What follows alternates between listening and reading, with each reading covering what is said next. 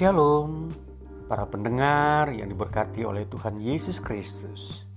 Jumpa lagi dengan saya, Pendeta Jeftari Misi Toding MTH, dalam penyampaian pengetahuan kekristenan.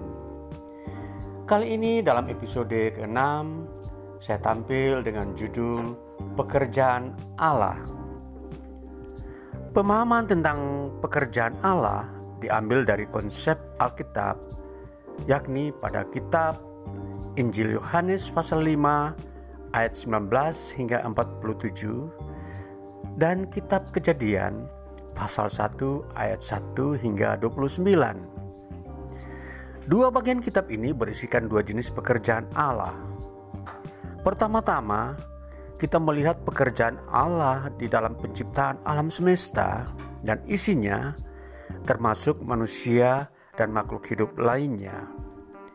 Hal ini terdapat di dalam kitab Kejadian pasal 1 ayat 1 sampai dengan 29. Yang kedua, Allah bekerja dalam bentuk mengampuni dosa-dosa manusia. Hal ini terdapat di dalam kitab 1 Korintus pasal 1 ayat 30. Kita sebagai orang percaya harus dapat mengerti bahwa Allah terus bekerja sampai hari ini. Namun jenis pekerjaan yang Allah kerjakan bukan pada penciptaan alam semesta. Oleh karena alam semesta telah selesai dikerjakan Allah dengan sempurna.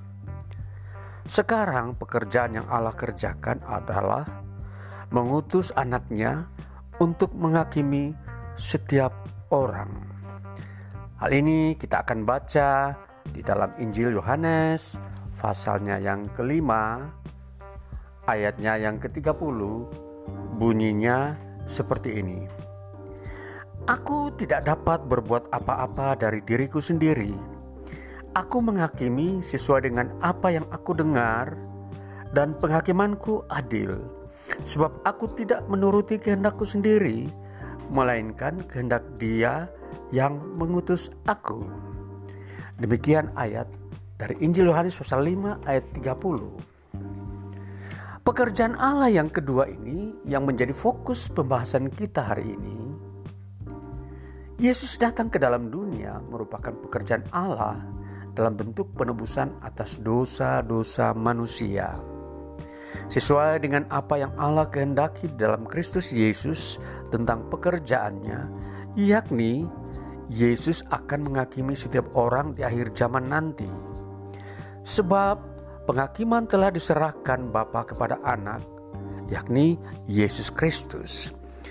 Injil Yohanes pasal 5 ayat 22 bunyinya demikian. Bapa tidak menghakimi siapa pun, melainkan telah menyerahkan penghakiman itu seluruhnya kepada anak apa yang dikerjakan Yesus sebagai anak, yakni mati di kayu salib, agar dosa-dosa manusia dapat diampuni. Sehingga, bila manusia yang memperoleh pengampunan dosa dari Yesus Kristus boleh mengalami hidup kekal. Hal ini kita bisa baca lagi di dalam 1 Korintus pasal 1 ayat, ayat 18 dan ayat yang ke-30. Bunyinya demikian. Sebab pemberitaan tentang salib memang adalah kebodohan bagi mereka yang akan binasa. Tetapi bagi kita yang diselamatkan, pemberitaan itu adalah kekuatan Allah.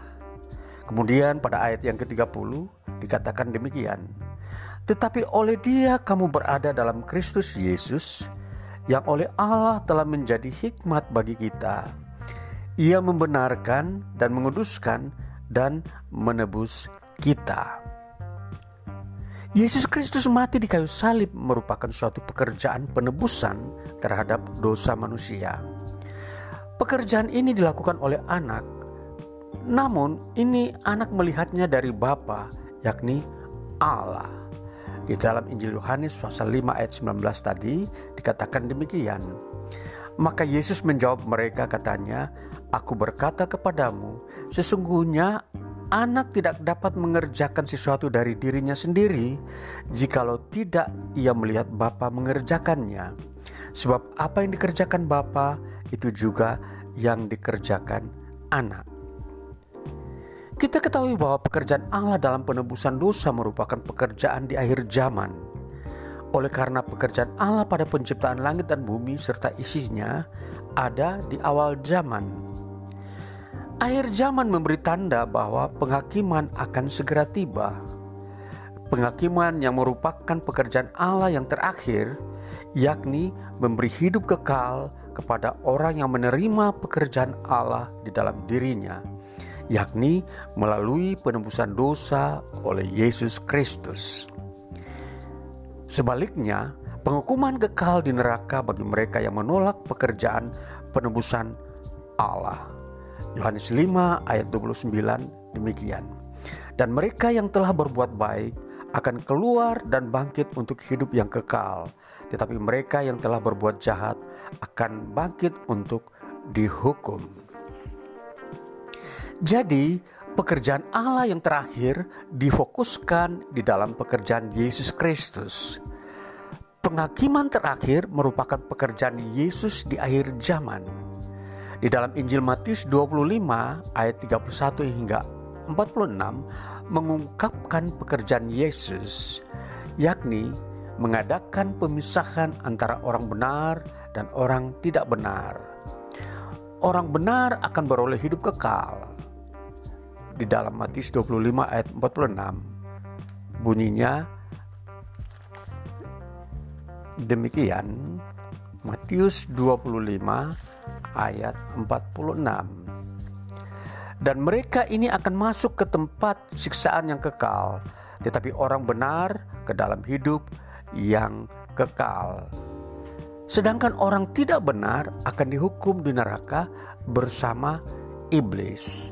Matius 25 ayat 41. Dan ia akan berkata juga kepada mereka yang di sebelah kirinya, Enyala dari hadapanku, hai kamu orang-orang terkutuk, Enyala ke dalam api yang kekal yang telah sedia untuk iblis dan malaikat-malaikatnya. Rasul Paulus mengartikan orang benar di dalam kitab Roma pasal 5 ayat 1 yang ditulisnya sebagai berikut. Sebab itu kita yang dibenarkan karena iman, kita hidup dalam damai sejahtera dengan Allah oleh karena Tuhan kita Yesus Kristus.